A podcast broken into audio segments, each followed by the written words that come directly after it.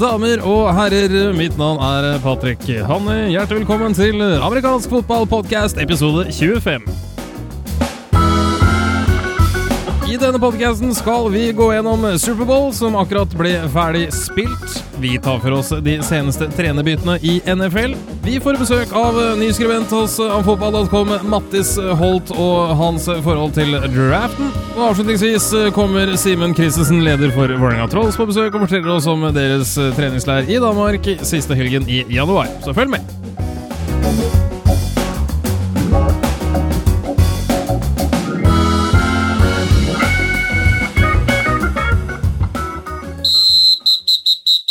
Velkommen tilbake her til amerikansk fotballpodkast. Mitt navn er Patrick Hamnøy. Med meg redaktør av fotball.com, Jarle Magnus Henriksen. Velkommen til deg. Tusen takk for det, Patrick. Det har vært spilt en uh, Superbowl for uh, historien, hvis vi skal bruke det begrepet. Det er um, for min del, i hvert fall uten tvil, den uh, beste kampen jeg tror jeg har sett, kanskje med et par hederlige unntak på college-nivå. Hva syns du om kampen, Jarle Magnus? Jeg satt med akkurat samme følelsen rett etter kampslutt. Og eh, jeg måtte liksom kikke en del på gamle resultater fra Superbowl for å tenke gjennom kan det stemme at det var opplevelsen. Det, men jeg sitter jo med den følelsen, da. Eh, selv nå noen dager i etterkant, at det var en kamp for historien, som du er inne på. Eh, og kan man jo diskutere liksom, ja, det var ujevnt, og så må kampen være jevn hele veien for at det skal være kjempespennende. Det er jo ikke riktig i det hele tatt. Det er en eh, Jeg ser argumentasjonen, men eh, jeg er nok ganske uenig i det. Jeg syns en sånn snuoperasjon som dette her er, det forteller så mye om, om hva denne sporten kan være, at på det grunnlaget alene så er jeg uenig i det. Og så er det litt sånn at man kan jo si at ja, New England Patriots spilte én dårlig halvdel. Atlanta Falcons spilte en dårlig halvdel, de også. Så det var egentlig en dårlig Superbowl. og da, da, har man ikke forstått sporten. Da har man ikke forstått det som ligger bak med taktikk, forberedelser, eh, analysen som helt åpenbart var gjort av Atlanta Falcons for å finne svakheter hos New England Patriots, og justeringene som New England Patriots gjør underveis for å komme tilbake i denne kampen. Og så har vi selvfølgelig enkeltspillere, store enkeltspillere som gjør en fantastisk innsats uh, underveis. James White uh, syns jeg framstår som en ener som, som running back. Running backen til Patriots, ja. Running backen til Patriots, Men det er jo igjen fordi Patriots snur på flisa, finner hvor er åpningene. De dekker opp receiverne våre godt, men hva er det vi har ellers? Hva er det som kan funke innimellom her? James White. Og så skal vi selvfølgelig ta med Tom Brady, da, som Uh, utvilsomt uh, går ned som en av historiens beste. og nå, nå, er det saken at I tillegg til det at han går ikke ned, han fortsetter jo å stå på. Og det er inntrykket vi sitter igjen med, at uh, dette er nok ikke helt ferdig. Det er det ikke, og du snakker om dette med justeringer. Jeg satt og så så på TV-føringa, sånn som sikkert alle andre også gjorde. Og så midtveis ut i første quarter så ser Belichick rolig som skjæra på tunet med notatblokka og sitter og noterer. Og det fikk vi jo da beviset på de justeringene som vi snakker om, etter halvtid, og hva som ble gjort etter pause hvor kampen snudde 180 grader. Men bare for å oppsummere kampen sånn veldig kort, da, for de som kanskje ikke husker resultatet i hodet, Magnus, hva ble sluttresultatet? Sluttresultatet på overtid, første gang det var overtid i Superbowl-historien, det ble 34-28 til New England Patriots, som da vant med en touchdown igjen ved James White på et løp på overtid. Hvis vi tar for oss kampen, da, ikke nødvendigvis spill for spill, men litt sånn flyten i kampen, kort oppsummert, hvordan, hvordan så den ut? Den så veldig defensiv ut helt innledningsvis. Hele første periode, første quarter, var jo preget av at det var to lag som kjente på hverandre. Hvor Falcons så best ut fordi de var godt balansert og de fikk det løpespillet. Det hadde ikke jeg forventet at det skulle fungere på den måten som de fikk det til. Og det satte nok New England litt ut. Og så var det fram og tilbake. Ja, kan du snakke om to angrep som ikke helt fungerer, men det, det her handler jo om forberedelser. Så man må heller se på den eh, superbe forsvarsjobben som blir gjort. Og det så vi Uh, veldig tidlig så, så vi cornerne og, og defensive backene til Atlanta Falcons var ekstremt flinke til å, å fylle inn på løpespill. Og når da Robert Alford i tillegg står fram med å sørge for en, en fumble uh, som blir forced, uh, og seinere i kampen, for nå er vi inne i, i et stykke inn i kampen, skal komme tilbake til det, og også en interception return som ser ut til å liksom sementere det hele. Uh, Altfor tidlig, selvfølgelig. Falcons kommer først på tavla. Skårer ved Devonta Freeman i, i, begynnelsen. Jeg tror det er 12-15 eller noe sånt igjen av andre perioden når vi får første skåringen. Så greier ikke Patriots å svare. Det går en periode. Eh, kampen står fremdeles og vipper. Eh, og så kommer det først en incompletion fra Matt Ryan til eh, Austin Hooper, og så, altså eh, svære Titan-kar. Ja. Eh, og så litt seinere så kommer det en touchdown-pasning til samme mann, jeg tror det er ett eller to spill etterpå. Det var nøyaktig spillet etterpå. Det så faktisk Ja, ut som omtrent samme playcallen i tillegg. Er, det, er ikke det ganske ballete gjort av Kyle Shanahan? Jo, men det, det, hva er det du ikke forventer? Spille etterpå, akkurat samme spillet. Ja, Det er litt sånne ting. I hvert fall når det er en receiver som ikke liksom, Det er ikke Julio Jones, da. Nei. Eh, eller Julio Jones. Julio. Sånn. Ja, Julio. eh, og så er det Patriots som prøver å svare, og så 2-21 igjen av, eh, av halvdelen, så eh, er det et glimrende spill. Og eh, dette, er, dette er ikke en spesielt dårlig pasning av Tom Brady, men, men dette viser, hvis du ser det spillet om igjen, så vil du se forberedelsene til Atlanta Falcons. Du vil se en defensive back som har en ekstremt kjapp reaksjon, og det er rett og slett fordi han, han kjenner igjen hva dette er for noe. Eh, og så er han atletisk i tillegg, og da fyker han nedover og skårer en touchdown. For å 21-0. fritt, ja, for å fritt oversette, så var han i posisjon til å gjøre spillet. Han var i posisjon, eh, men, men han, han var i posisjon til å, å måtte sørge for at det ble incompletion. Eh, Men den bevegelsen han gjør, Mm. den er så instinktivt raskt at det forteller meg at det er ikke bare fordi han er en fantastisk god spiller, men det er fordi han har, eh, har blitt forberedt med filmanalyse, så det holder. Det, Mm. det ligger der. Forberedelse. Eh, ja, fantastisk. Og så, med to sekunder igjen av eh, halvdelen, så etter at man eh, egentlig trodde det skulle bli touchdown, så greide jo ikke New England å helt kapitalisere på det. Så var det Gostowski som skårte de første poengene for deres del. Da sto det eh, 21-3 eh, til Atlanta Falcons til pause, og da, da var det mange som eh, spaserte av gårde ymse steder fordi de skulle på jobb eller eh, hva enn de trodde var viktigere i livet. Det var jo selvfølgelig feil. Det var det, og jeg kan jo si for min egen del eh, Jeg hadde jo håpet på en Falcons der, men til og med der så tenkte jeg bare nei, det er ikke i nærheten å være over. Men eh, hva skal vi si eh, innledningsvis? Første halvdel eksepsjonelt bra forsvar av, og angrep for så vidt, av Falcons, og tilsvarende dårlig av Patriots, eller hvordan så den balansen ut til Ja, det var litt, det var litt sånn, var litt sånn følelsen av Green Bay mot Atlanta igjen. Mm. Uh, på en måte med, med man ikke greier å, å sette poengene mot Falcons, og de er så giftige selv, så eh, greier man ikke å henge med dem. Og det var akkurat det som skjedde. Eh, jeg satt jo også og tenkte at eh, ja, det skal ekstremt godt gjøres å komme tilbake. Nå vet vi at eh, Tom Brady og, og, og Når jeg sier Tom Brady, så sikter jeg egentlig det pasningsangrepet og Mm. hele, forsvaret, eller hele angrepet til eh, Patriots. Er, han er bare en katalysator for det. Eh, harry i hermetegn. Eh, de har vært bedre i andre halvdel i svært mange kamper. Eh, det er en sånn historikk de har. Ja. som forteller, det forteller om justering coachingstaffen gjør i pausen. Det forteller, og det, Du var inne på det. Belchek så rolig ut underveis. Og, og Det er fordi de, er, de har liksom hørt på Paul Brown fra gamle Cleveland Browns eh, 50-tallet. På at uh, Han er sitert på noe sånt som at uh, det å være kald under press, det er tegnet på suksess. Ja, for det, Det er jo det, så, og det, Hvilken scene er større enn dette her innenfor vår idrett? Ingen.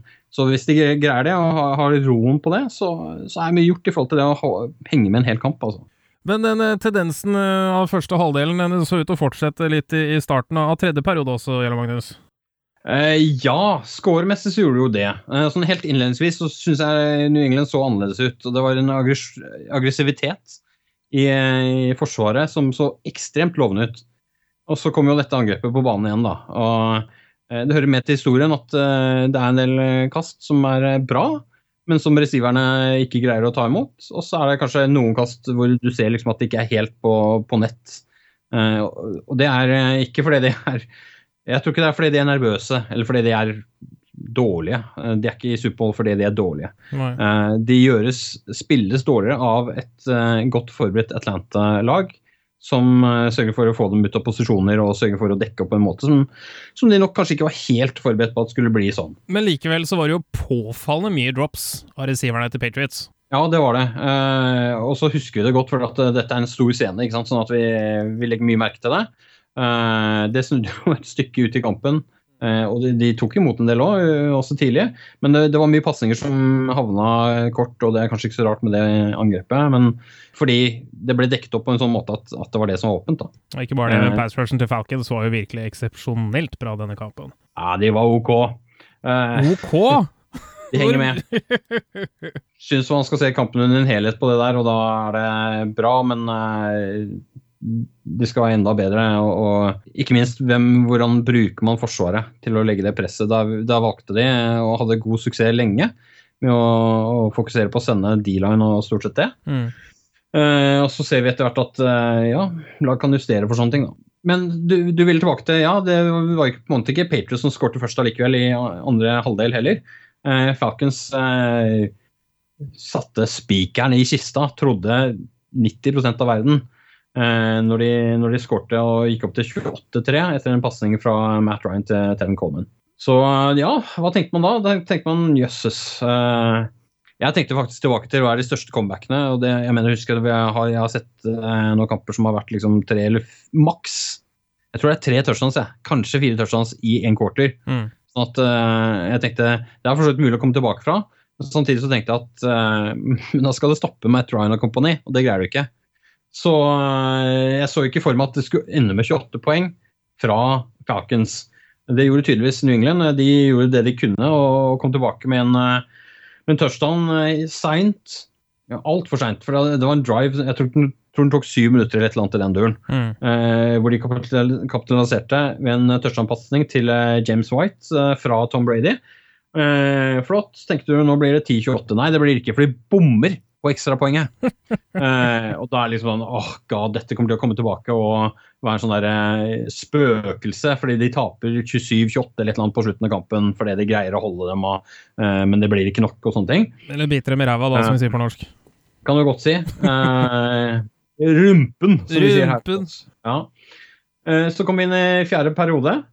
På dette tidspunktet så har Falcons sitt eh, sitt angrep blitt stoppet. Altså de er, de er i, nede i tanken og får det ikke til å fungere. Er, motoren funker ikke lenger.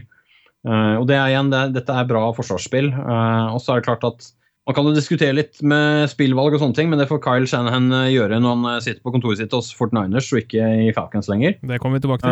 Uh, det kommer vi tilbake til sikkert, ja. Vi kapitaliserer en gang til. Vi er tidlig, eller 9.44. Det er ikke tidlig, egentlig. Det er et stykke, godt stykke ut i fjerde periode, så tiden er knapp. Eh, men det blir, det blir field goal. Goskowski kommer og, og skårer et field goal. Det blir eh, på dette tidspunktet 12 poeng til New England, 28 til Falcons. Mm. De måtte ha touchdown. Hvem er det som ikke trodde det? Uh, og så skjer det flere ting fram og tilbake.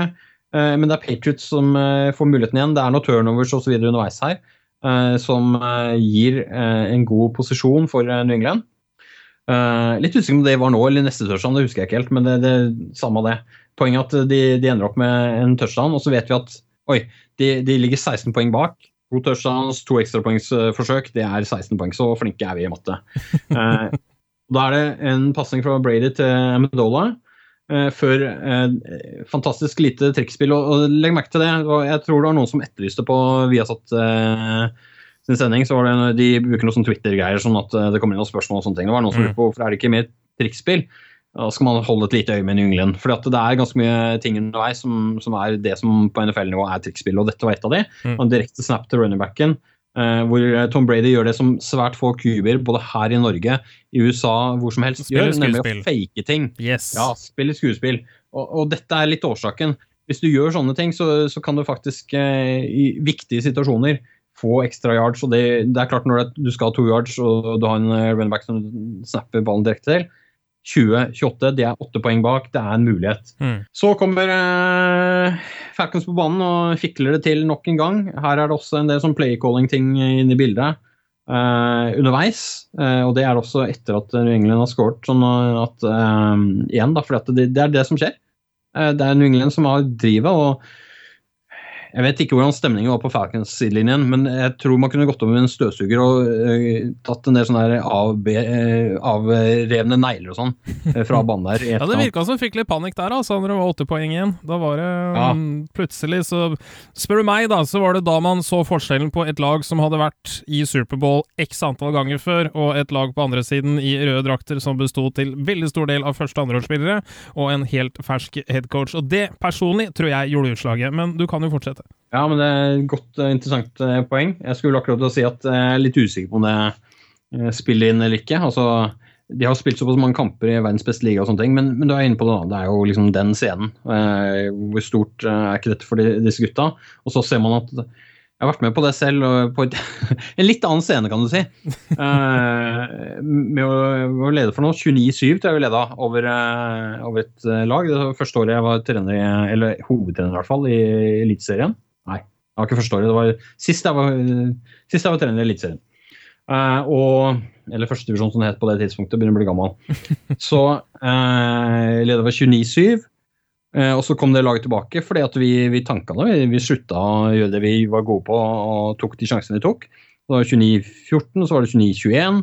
Og så liksom begynte du å frykte da, at dette kunne gå motsatt vei. Og det, jeg tror det er litt sånn samme følelsen hun satt med der, at man begynte å tenke Oi, hva, det, hva, hva, gjør vi for noe? Så kommer det noen playcalls underveis også, som liksom tyder på at eller spillvalg som tyder på at man uh, ikke husker liksom, sånne elementære ting. Uh, da er vi tilbake til en field goal-situasjon i slutten av kampen her, hvor, hvor uh, Falcons kan vinne det, 31-28.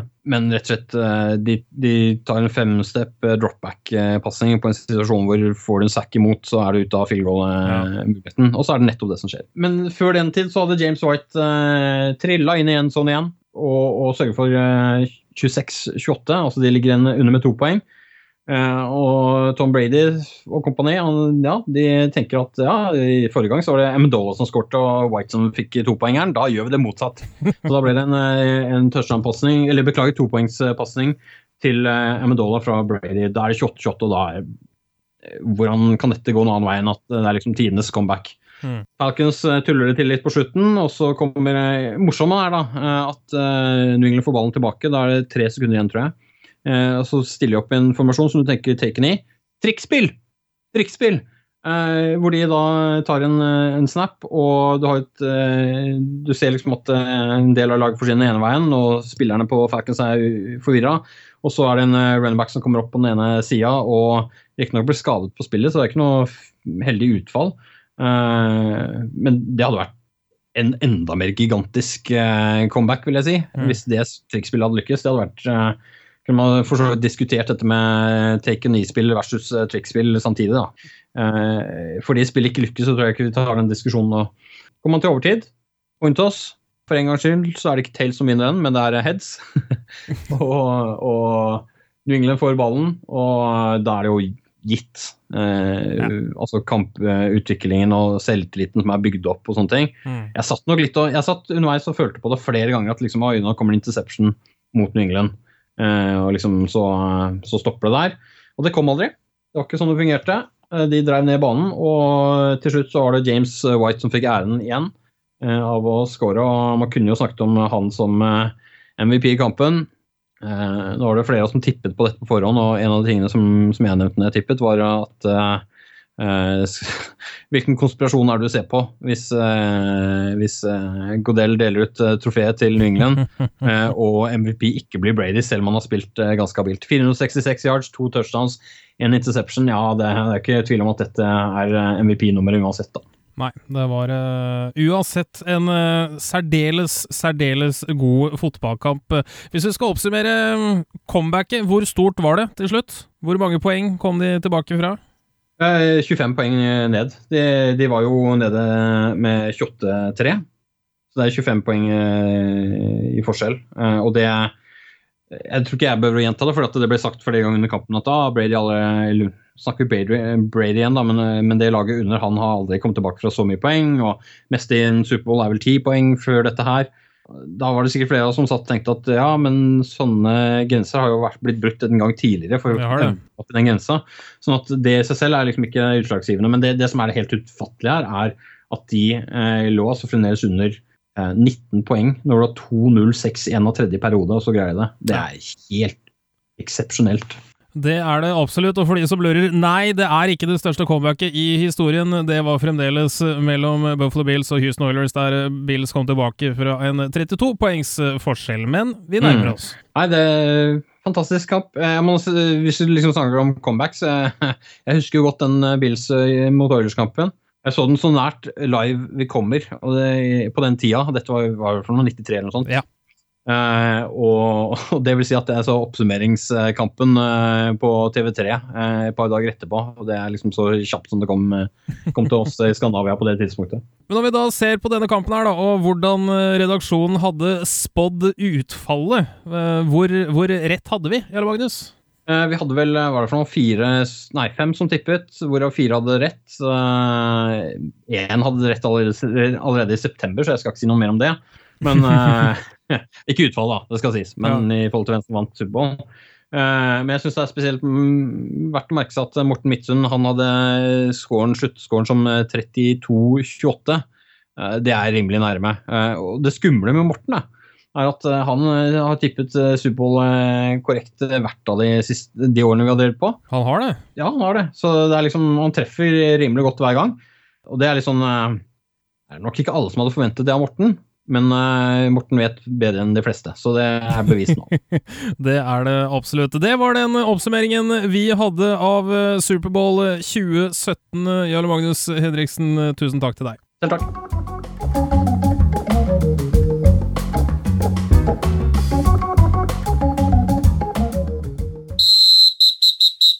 Og vi fortsetter her i eh, amerikansk fotballpodkast, fremdeles med redaktør Jarle Magnus Henriksen. Selv om Superbowl nå er eh, ferdigspilt, og man kan ha følelsen av at absolutt alle andre i NFL som ikke spiller Superbowl, har stort sett hatt en god og lang ferie i mellomtiden, så er ikke dette tilfellet. Det foregår fryktelig mye på det såkalte bakrommet.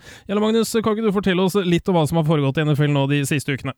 Nei, Det foregår mye rundt uh, spillerkontrakter og den typen ting. Vi skal ikke komme så mye inn på det. Uh, for de fleste av oss har nok vært veldig opptatt med selve Superbowl. Uh, men vi kommer til å følge det utover med, med f.eks. James Starks ble kutta fra Green Bay Packers nå nettopp. Og, og, den typen ting skjer hele veien. så det, det, kommer helt sikkert inn på utover på amerikansk fotball-websiden.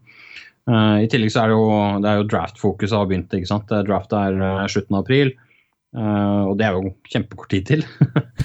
I hvert fall så, så, er det der vi er at vi, vi begynner å kikke på det. Um, Mattis Holt har jo skrevet noe som vi kom inn på i podkasten rundt det. Ja. Men så er det disse trenerskiftene. da, Det er jo en sentral del av det, med, med hovedtrenere som ble kasta ut i kjølvannet av 2016-sesongen, i noen tilfeller før den var slutt også. Eh, og så har det kommet til nye trenere. Så jeg tenkte det kan vi jo for så vidt eh, nevne noen ord om. Det er jo i hvert fall eh, seks lag som har, har skifta ut treneren. Med Buffalo Bills, Denver Broncos, Los Angeles Rams, Jacksonville Jaguars, San Diego. Beklager, Los Angeles. Ja, uff, det der kommer til å sitte i flere år, det. og San Francisco 49ers. Eller jeg vet ikke, London 49ers. Hvem vet hva det er om 13 minutter. Uh, nei. nei, fordi altså, vi, Noen av oss har vært med en stund, ikke sant? sånn at uh, vi vet jo at uh, sånne skifte av byer det skjer jo faktisk i NFL. Dette er ikke noe drama som er helt nytt. Men det er kanskje litt, litt mye som har skjedd på, på et, et, år, halvannet på den fronten. da. Oakland Raiders til Las, Vegas har det vært mye snakk om. Det er en stadiondeal der som ikke helt går veien. Det er for så vidt også ting som foregår. at sånne ting kan falle igjennom, og så plutselig så blir det ikke flytta laget likevel. Liksom, for de stadionene har ekstremt mye å si når det kommer til, til, hvorfor laget ønsker å flytte på seg. og er En viktig økonomisk driver som man kanskje ikke tenker over som, eh, som fan sittende på andre siden av Atlanteren. Nei, og det er nok et tema for en uh, helt egen sekvens, akkurat det. Mm. Men tilbake til trenerskiftet, da, redaktøren. Ja, hvis vi snakker om uh, de forskjellige lagene. Buffalo Bills de sendte på dør Rex Ryan og store trucken hans med Vet ikke om du har sett den? Han sånn der skikkelig tøff, oh, store van. Ja, med Eller van, jeg vet ikke. Pickup, pick heter det vel. Uh, med Buffalo Bills-signal eller liksom tegninger og, alt uh, greiene der. Så den kjørte han ut døra med. den for, har for, øvrig en Clemson-logo på, på, seg akkurat nå, så det har skifta litt. Det er fordi sønnen hans spiller der. men der har det kommet inn en som heter Sean McDermott.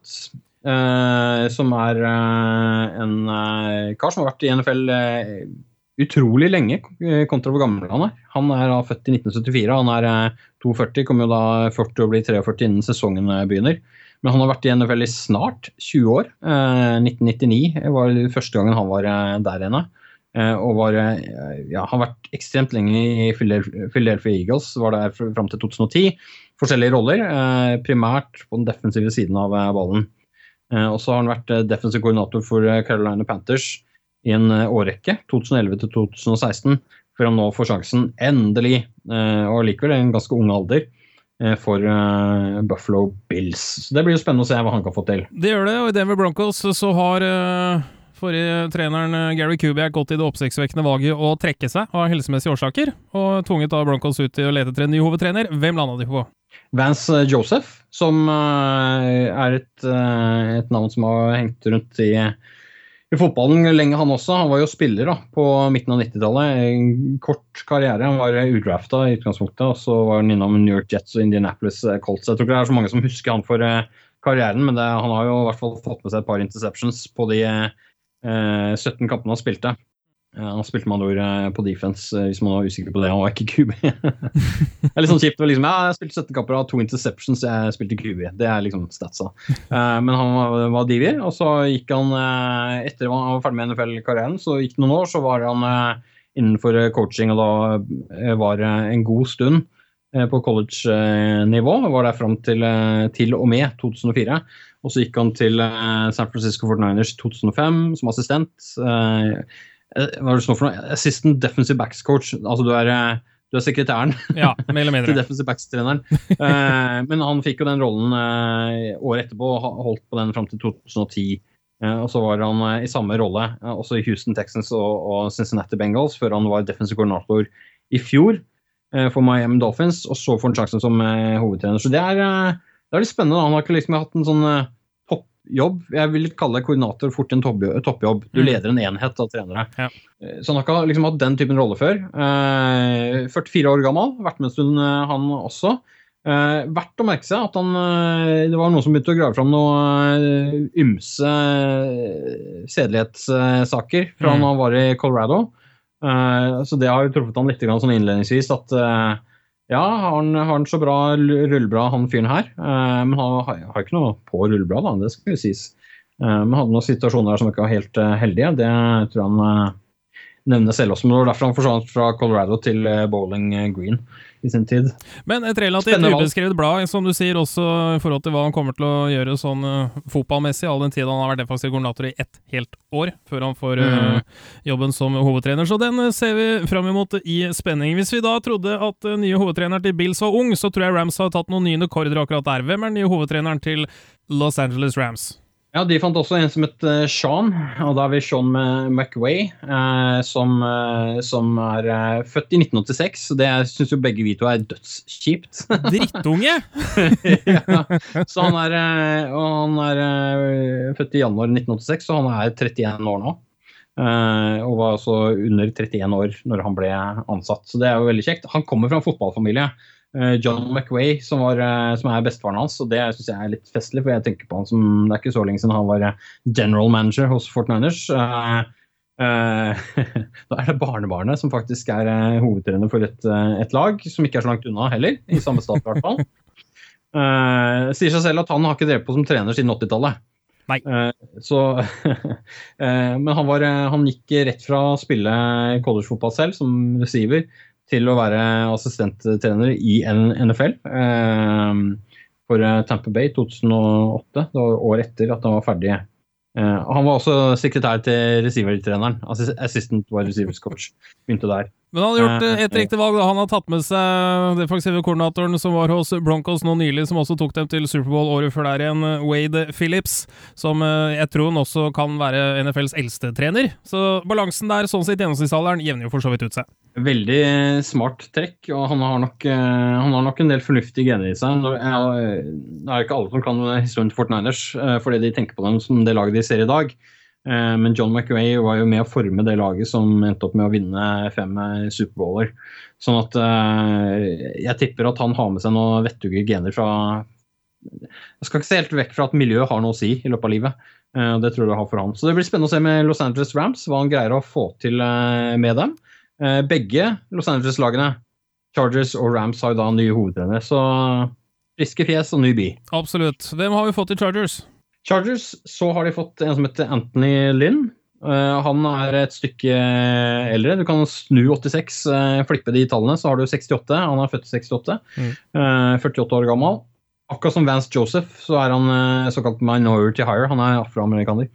Uh, Pussig med det. Uh, begge de to gutta har, har god spillebakgrunn. Altså vært innom NFL og spilt og sånn. Anthony Lynn han var såpass god at han var jo også med på Broncos og vant to Superbowls, så han vet jo hva det vil si som spiller å vinne det.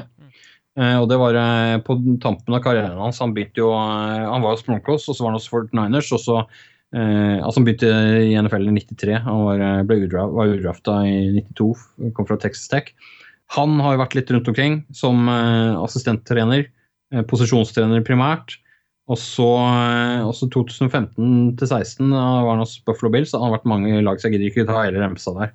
Uh, tror ikke for seg. Men da har han vært assisterende hovedtrener og offensiv koordinator og runningbacks-trener. litt usikker på om han heller har den store liksom, bakgrunnen. men han rakk i hvert fall være foreløpig hovedtrener hos eh, Bills eh, en kort periode, og på tampen av sesongen, før han nå havnet hos eh, Chargers. Jeg syns han er et interessant valg. Jeg er litt usikker på om det er rette mann til å ta Chargers videre. Men det er ikke tvil om at han, han kan fort være en spillernes mann, og han, han har en del Uh, han har en del med seg. da. Det, altså, det han har bidratt med, er f.eks. Uh, han er flink til å få stjernespillere til å vise igjen i lyset. Uh, flink til å være med og sette et løpespill som fungerer. Han har vært runningbacks-trener mye av tiden sin. Og de runningback, runningbackene har gjort det bra, de løpeforsvarene har gjort det bra. Uh, det han, lille han har vist som hovedtrener, er et aggressivt defense i tillegg, at han ønsker å ha det. Det, det, tror jeg vi skal få se hos uh, Chargers. Det tror jeg absolutt. I hvert fall med de brikkene som de har drafta seg til de siste årene, så kan dette bli veldig spennende. Også på andre sida av landet så har vi en liten by som heter Jacksonville i Florida. De har altså fått en ny hovedtrener, men dette er jo ikke et ubeskrevet blad. Nei, Doug Marone han eh, har jo vært, eh, han har jo vært i selveste NFL Europe. Oi, oi, oi. Så, så han er, det er gitt at det blir suksess, akkurat som det var hos Bills. Eller det vil si, det var det ikke. Nei. Så det blir spennende å se.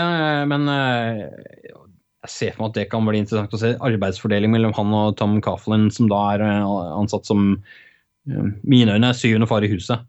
Eh, sånn at Og Tom Coughlin har et godt, godt navn fra Jacksonville, hvor han var hovedtrener i flere år. Fra de liksom var ekspansjonslag i hva var det for noe, 95, tror jeg. De mm. kom inn der. Marone var et naturlig valg. Var, eh, når, de, når, de, først kvitta seg med Gus Bradley, så var jo Marone der allerede som en assisterende hovedtrener og, kunne gå videre inn i den eh, rollen som hovedtrener. Usikker på det. Eh, på den annen side var det han, han som var hovedtrener i Cleveland Brown som endte opp i New England Patriots. Bill Belichick. det er jo gjenbruk av trenere som funker òg, så vi skal være litt sånn forsiktige med å si at første gang viser alt det du kan. Det er uh, uansett det er, uh, hva skal vi si, litt forsiktig, forsiktig avventende fra vår side, skal vi være enige om det. Mm, ja. Det siste laget ut, da, der tror jeg vi skal ta for oss både den nye hovedtreneren og den nye general manageren, for der har det vært eh, litt uh, Hva skal vi si? originale trekk i forhold til det vi er vant til å se San Francisco 49ers eller Magnus. Hva har skjedd der? De har jo henta inn John Lynch. og det tok alle hele verden på senga. John Lynch som general manager. Ja, eh, og det er klart, eh, han kan sikkert eh, være litt sånn Uh, office linebacker, eller offensive defensive back, uh, og hitte folk noe jævlig i gangene. For det, det er jo det han uh, bl.a. var kjent for. Han spilte for Tamper Bay når de hadde et uh, særdeles godt cover two defense mm. i sin tid, under Monte Kiffin, stort sett tror jeg det var. Så han Jeg har liksom fått med meg litt av historien at han Fortnite var på jakt etter en ny fyr her, og så eh, meldte han sin interesse. Han har vært i TV-bransjen en del år. Uh, og så gjorde han et intervju som var såpass fremragende at de tenkte hei, dette er mannen vi vil ha med oss. Om det er hele historien, det tror jeg ikke det er. Men det er John Lynch er en, er en, fyr som de har vært interessert i tidligere, i en annen type rolle. Uten at jeg husker helt hele historien der også. Men, men, han har gjort et godt inntrykk på en del folk i San Francisco fra før av. Så uh, han var nok et sånn outsider-valg som allikevel var interessant, da, og endte opp som general manager. Så får vi se hvordan det går. Uh, han har jo da en uh, ung hovedtrener som nå kommer inn. nå sier jeg ung, for jeg tenker liksom alltid på Kyle Shannon som sønn til Mike Shannon og tolv år gammel omtrent, og får sjanse til å være trener. Men han har jo blitt 37, da. Ja, det har det. så han har jo vært med en stund nå. og som hovedtrener er han jo fersk, men han har vært med Eh, som trener ganske lenge. Eh, det har blitt godt over ti år, nesten 15 år som, som trener. Eh, og brorparten av det i NFL. Han hadde ett år på UCLA som, som graduate assistant før han gikk over til eh, pappas eh, Nei, beklager, ikke til pappas klubb. Nå tenkte jeg på Kiffen igjen, skjønner du. Men han gikk over til Tampa Bay, var der en, kort periode. Og, det er klart han har jo noe eh, Kjenner henne, navnet henger nok med, men når han har fått sjansen, da, så har han eh, hatt sesonger som ikke har vært så kule og eh, gjort ting som ikke har vært så bra. og Så har han gjort ting som har vært bra underveis, og så har han blomstret eh, sammen med bl.a. Uh, Falcons. Med, klart det er jo kjekt med Matt Ryan som quarterback, det skal ikke slås. Og Folio Jones skal ta imot. Ja, han har hørt at det kan eh, dra beina etter seg, i hvert fall. det har så, absolutt. så det, det, kan, eh, det, kan, bli spennende å se hva han gjør som hovedtrener. Det Er litt sånn Er dette Josh McDaniels nummer to? Eh, altså, Det funker som koordinator, men eh, som hovedtrener så blir det blir litt smått, eller funker ikke med det personellet osv. Det er en litt annen situasjon også med Fort Niners der de er i dag, kontra eh, det Falcons er akkurat nå. Men jeg vet ikke. Vi tenkte jo ikke, Det var ikke mange som trodde på Falcons før sesongen heller, så det er, er forskjellen så stor. Noen ganger så blomstrer laget opp. Uh, og det er jo ofte miljø og, den type ting som gjør utslaget. Kan han være med å bidra, så kan jo kanskje Fort Niners også ende opp i en sånn situasjon etter hvert. Det skal jo nevnes at uh, George McDaniels var jo hele fire år yngre enn det Kyle Shanahan er nå, da. Og de fire årene kan gjøre et stort utslag, det veit jo du. Jeg vet at du påstår det. yes. Uansett så er det da litt som har foregått på trenerfronten, og vi kommer tilbake litt senere i løpet av um, ikke sesongen, men off-season, og forteller om de forskjellige grepene som lagene i NFL tar. For denne omgang, Jarle Magnus, tusen takk. Takk for det.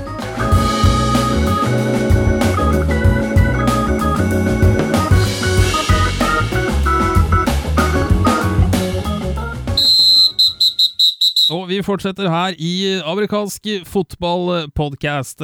Den første sekvensen handlet om uh, Superbowl og den fantastiske kampen den var. Når det er sagt, så er det ikke sånn at de 30 andre lagene i NFL har ligget på latsiden de siste ukene, og litt av det de driver med i disse dager, skal vi prøve å få belyst litt nå. Og med meg for å hjelpe til med det, har jeg fått med meg Mattis Holt. Velkommen til deg. Tusen, tusen takk. Du eh, har um, Altså, for oss er du jo ny, men du er jo overhodet ikke ny i det å skrive om NFL, og det som i særdeleshet er ditt uh, interesseområde, altså selve draften. Kan du fortelle oss litt, hva, hva er draften? Hva er draften, ja? Det, det er et stort spørsmål, det. Uh, nei, he helt enkelt så er det jo uh, julaften for NFL-fans, syns jeg. Ja. der hvor Altså, du, I vanlig fotball så har du liksom transfer deadline day, hvor det er sånn Kanskje får vi en spiller. Eh, i NFL-draften, så vet du at du får i hvert fall én spiller, om ikke flere. Det er mm. det som er så digg. At du, du vet at gjester blir pakke, liksom. uh, draften er da altså disse spillerne som skal nå opp i NFL fra college-nivå, og det går jo noe vanvittig mengder med analyser for å prøve å finne ut hvilken spiller som skal havne hos hvilket lag. Det er som sagt 32 lag, og det er sju runder, så det er ganske mange spillere som skal fordeles. Og dette syns du er gøy å drive med. Og da har du også skrevet uh, noe som da på fagspråket kalles for en mock draft. Hva er en mock draft, Mattis? Det her er ting som man kanskje ikke bør bruke så mye tid på, men som jeg bruker altfor mye tid på. Eh, en, en mock draft, uh, det er jo helt enkelt uh, en simulering egentlig da, av det du velger altså, Jeg har tatt første runde, men du kan jo ta hele draften også hvis du er veldig, veldig gira. Men det er jo en simulering hvor du plasserer spillere hos hvert enkelt lag, da, der de passer inn eh, der de tror de kommer til å bli plukka. Eh, ut fra hva lagene trenger, hvor gode spillerne er, selvsagt. Og ja, litt sånn andre ting, sånn som litt sånn off-field issues, som er så populært å kalle det. Og ja, litt forskjellig. Du må ta mye inn i betraktning for å plassere de riktig, åpenbart. Men det er veldig gøy å prøve. Det er det, og som du også skrev en sånn liten halvdisclaimer i den mockdraften du skrev for oss nå som kom ut uh, ja, for ganske kort tid siden. Uh, Dette her kommer til å endre seg, og det kommer til å endre seg Absolutt. mye. ikke sant? For plutselig så har eh, NFL-lagene de har vært og plukka opp noen free agents, og de, kanskje de bytter trenerteam som har lyst på en annen type spiller. altså Blir det ikke veldig frustrerende å måtte skrive om og skrive om og skrive om sånn hele tiden? jo, uh, første gangen jeg drev med mockdraft var for uh, tre, tre, år siden, tror jeg. og da var jeg så dum at jeg kjørte altfor mange veldig tidlig.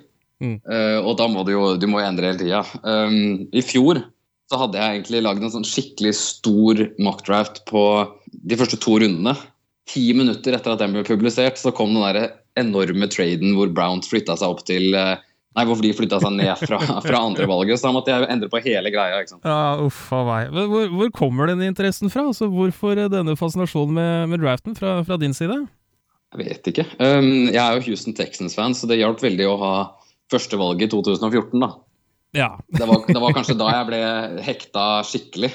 Det tror. Um, og så er det det der med å på en måte oppdage spillere, da. Det er veldig gøy. Hvordan, eh, hvordan, går du fram for å oppdage disse spillerne? Altså, hva, hva, går inn i, inn i, analysen sånn fra din side? Jeg ser øh, voldsomt mye collegefotball i løpet av sesongen. Mer enn du, burde, egentlig. og da legger du jo merke til de beste spillerne. Uh, og så gjør som oftest et dypdykk på de sånn etter college-sesongen er ferdig. Uh, og ser liksom gametape på dem, da. Uh, nå har jeg ikke fått gjort det på alle spillerne, åpenbart, men jeg har fått satt meg inn i en god del av de, så jeg får en ganske god formening om hvor gode de faktisk er. da. Og så har de jo selvsagt det uh, at du vet hva de, forskjellige NFL-laga trenger. Du, du, gjør det, men eh, litt av halvparten av moroa For du, det vi har sett nå, er første runde, og du har også sagt at tidligere så har du begravd deg i vesentlig flere runder enn det. Så tenker jeg hvor, hvor enkelt da, i anførselstegn, er det å finne stjernene og plassere de, kontra det å finne disse gullkorna litt lenger ned i de midtre rundene? Uh, I mockdrafts, tenker du på? Ja.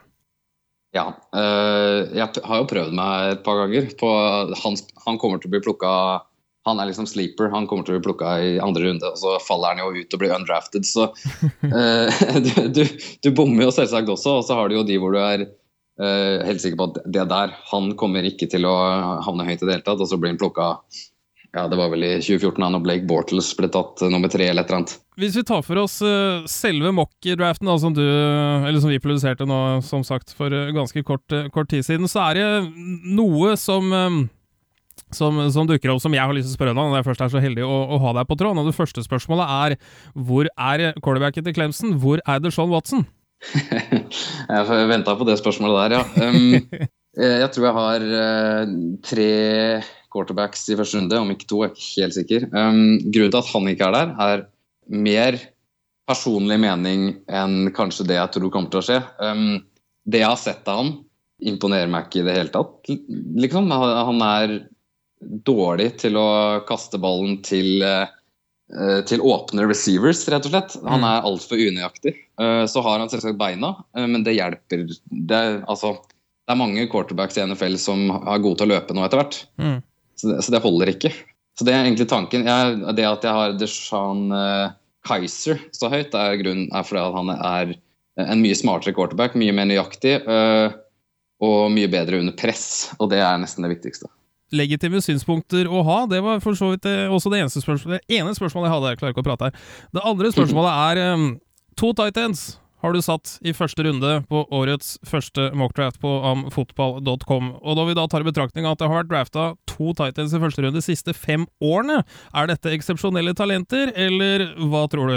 Det verste er at jeg syns ikke at jeg overdriver engang. Det kan fort være tre, eller jeg skal ikke si fire, det hadde vært sykt, men først og fremst er det en insane bra tight end-klasse.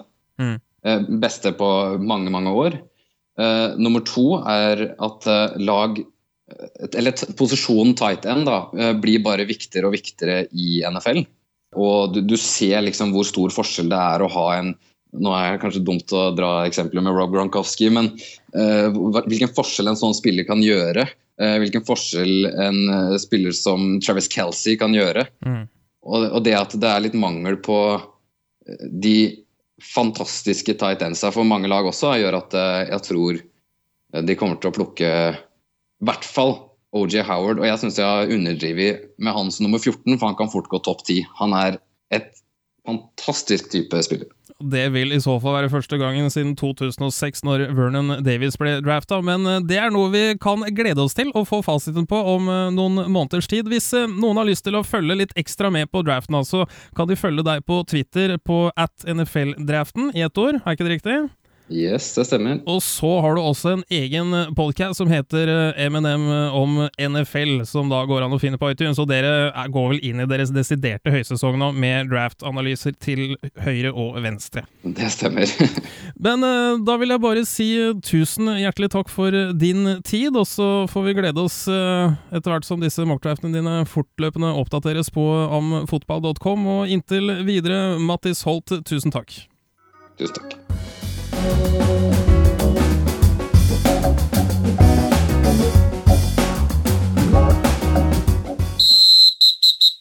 Og siste sekvensen her i amerikansk fotballpodkast, så skal vi bevege oss tilbake igjen på vår egen del av Atlanterhavet. Vi skal tilbake igjen til Norge og en liten svipptur til Danmark.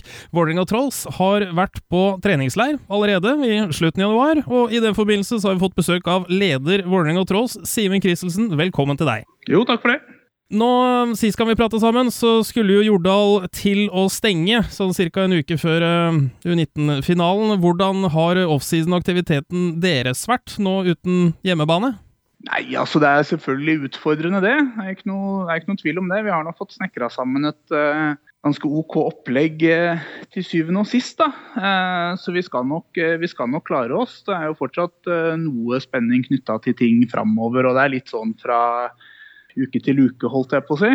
Det skal jo rulles ut kunstgress oppe på en sånn liten grusbane oppe ved Kampen skole etter hvert. og Da kommer nok mye av aktiviteten vår til å være der. Og så skal jo eh, seniorlaget eh, og U17 blir det vel, ha en trening hver oppe på Bøler. På en bane som heter Haraløkka, som, eh, som også kommer til å være arena for noe andrelagskamper og sånne ting. Så så vi har nok en slags plan, litt sånn væravhengig når de får rulla ut det gresset og sånn. Så det er jo spenning knytta til det, men det er jo sannsynligvis litt tid fram enda. Så per nå så har vi eh, hatt litt treninger på et sted som heter OPC, Oslo Performance Center, hvor vi, hvor vi har en uh, connection gjennom noen av gutta som jobber som personlige trenere der.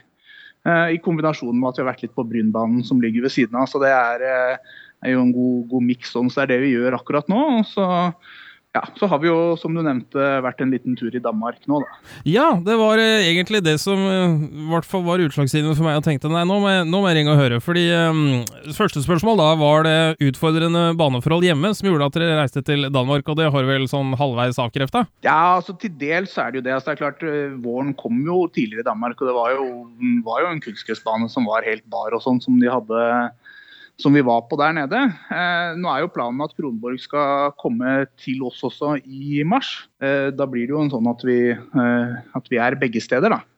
Eh, og eh, ja, men det var, eh, det var, jo litt sånn for å, sånn for å komme, komme, i gang, og litt for å ha en sosial tur òg.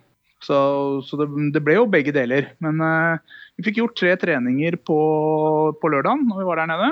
Uh, og så eh, Og det var, det var, jo Vi var ganske mange, og Kronborg var ganske mange. Jeg tror det var en sånn rundt 70 eh, spillere ute på banen der. Det er jo en camp-feeling som man kanskje ikke får så ofte her hjemme. det har du helt, helt, rett i. Men uh, connection mellom Tross og, og Kronborg, for det, det, har jo vært litt fram og tilbake der tidligere mellom disse to lagene. Hvor ligger Hva er det som binder dere sammen i Vålerenga Tross og Kronborg Knights? Det er jo det er først og fremst to ting. Altså, dels så har vi jo litt sånn historie fra gammelt av som er mer sånn tilfeldig. At det passa bra å spille noen preseason-kamper med dem, og vi gjorde det noen år ja, Det begynner jo å bli noen år siden nå, men vi, vi var nå der nede litt. Og så har Kronborg uh, hatt noen litt tyngre perioder innimellom der, og vi har hatt det. og men det er jo slik at både Scott Boer og Thomas Frasing, som var her før, er, har jo bakgrunnen fra Kronborg. Og Flasing er jo hovedtrener her nå. Sånn at uh, det er jo en naturlig samarbeidspartner for oss sånn sett. Da. I hodet mitt så var Kronborg Knights det laget jeg så på Jordal på slutten av 90-tallet. Og da var det jo på ganske topp i Europa, men de er ikke det nå lenger, fikk jeg inntrykk av? Nei, altså Kronborg Knights spiller jo på, på, det som er tredje høyeste nivå i Danmark. Oi. Jeg blir veldig overraska hvis de ikke rykker opp derfra, men da, da, er i så fall nivået i Danmark veldig mye høyere enn her hjemme. Men, uh, fordi de, de, har, men de, jo en, de, har jo vært i en gjenoppbyggingsfase, og de lå ganske med brukket rygg uh, og er på vei oppover igjen nå, er vel inntrykket. De hadde bra med folk på, på campen. og um, var en, Vi var vel en sånn 35 rundt fra hvert lag, ca. Mm. Um, og, de, og de har jo da fått tilbake litt spillere med bakgrunn fra klubben som har vært i andre klubber, Gold Diggers bl.a., som, jo- som jo holder et høyt nivå. Så, så de, de Ja, jeg vil vel kanskje vurdere dem litt sånn per nå, kanskje litt sånn norsk eh, førstedivisjon. Vi mangla jo en del starters og sånn på den turen, sånn at vi var jo Vi var mye folk, men det var mye ferske og sånn. Ja. Eh, Så, så sånn sett så så man jo det på at de hadde da noen gutter som ja, holder et, holder et eh, bra skandinavisk nivå, da, for å kalle det. Ja, men det er jo tidlig, tidlig tidspunkt å, å reise på, på treningsleir. Det er vanligvis å bruke disse campene avvikles eh, sånn tidligst i midten av mars, og så kanskje en til eh, rett før sesongen. Hva, hva gjør man på en camp i, i slutten av januar? Nei, du kan, det, det er jo mye, det er mye ganske grunnleggende på denne campen. fordi verken vi eller Kronborg har jo gjort veldig mye med utstyr og sånn eh, tidligere. Eh, så det ble jo, Men det blir jo en anledning til å, til å få bli nesten som en sånn eh, posisjonscamp, store deler av det. altså at Man bruker jo mye tid i posisjonsgruppene og i litt sånn mindre sammensatte grupper. da. Hadde, Vi hadde en liten sekvens helt på slutten med litt sånn mer team, men eh, eh, det var ganske begrensa. Eh, ingen av lagene var vel egentlig helt der enda. Men vi, vi fikk gjort, gjort mye bra, og så er det jo også som jeg sa, en, en anledning til å komme seg på tur. og vi, De ordna ganske billig overnatting for oss der nede, og det er hyggelig å være i Danmark og sånn. Så, så, nei, så det, det ble en, det ble en bra tur ut av det. Jeg tror vi fikk sportsutbytte av det òg. Altså, jeg mener, eh, bare det å få samla såpass mange til en sånn uh, sesjon med flere treninger på én dag, er jo, er jo et pluss, da. Men, uh, men vi skal jo som sagt gjøre noe, noe mer felles med dem ute i, ute i mars, sånn at vi har jo eh, vi, vi, vi kommer jo til å gjøre noe der også. Men så til neste gang, kan ikke dere si fra før dere drar på tur, da, så kanskje vi kan komme ned og se litt? Ja, men det er jo så hemmelig, vet du. Vi må jo holde ting hemmelig for dere. Ja. Nei, altså det, det kunne nok eh, eh, det kunne nok eh, sikkert vært en mulighet, det. altså. Så hvis det er å komme, så Jeg vet ikke om dere hadde fått så mye ut av på nå, for det var som sagt tidlig i prosessen. Men, men eh, hvorfor ikke? Nei da, det får du se an, vet du. Vi kommer sikkert til å være så sultefòra på fotball når den tid nærmer seg uansett. Men eh, det var i hvert fall et lite innblikk i at det beveger seg lite grann i Norge i disse dager, og det er jeg takknemlig for. Så Simen Christensen, tusen takk. Jo, takk for at jeg fikk komme. Det var alt vi hadde for denne episoden av Amerikansk fotballpodkast. Mitt navn har vært Patrick Hamnøy, det var det for så vidt før vi begynte også. Vi ønsker å takke for følget. Gå gjerne inn på iTunes, Soundcloud, legg en tilbakemelding, gi oss en like eller rate eller hva nå kidsa kaller det i disse dager, og så kom for all del med tilbakemeldinger om det er temaer dere ønsker at vi skal ta opp. Til neste gang, på gjenhør.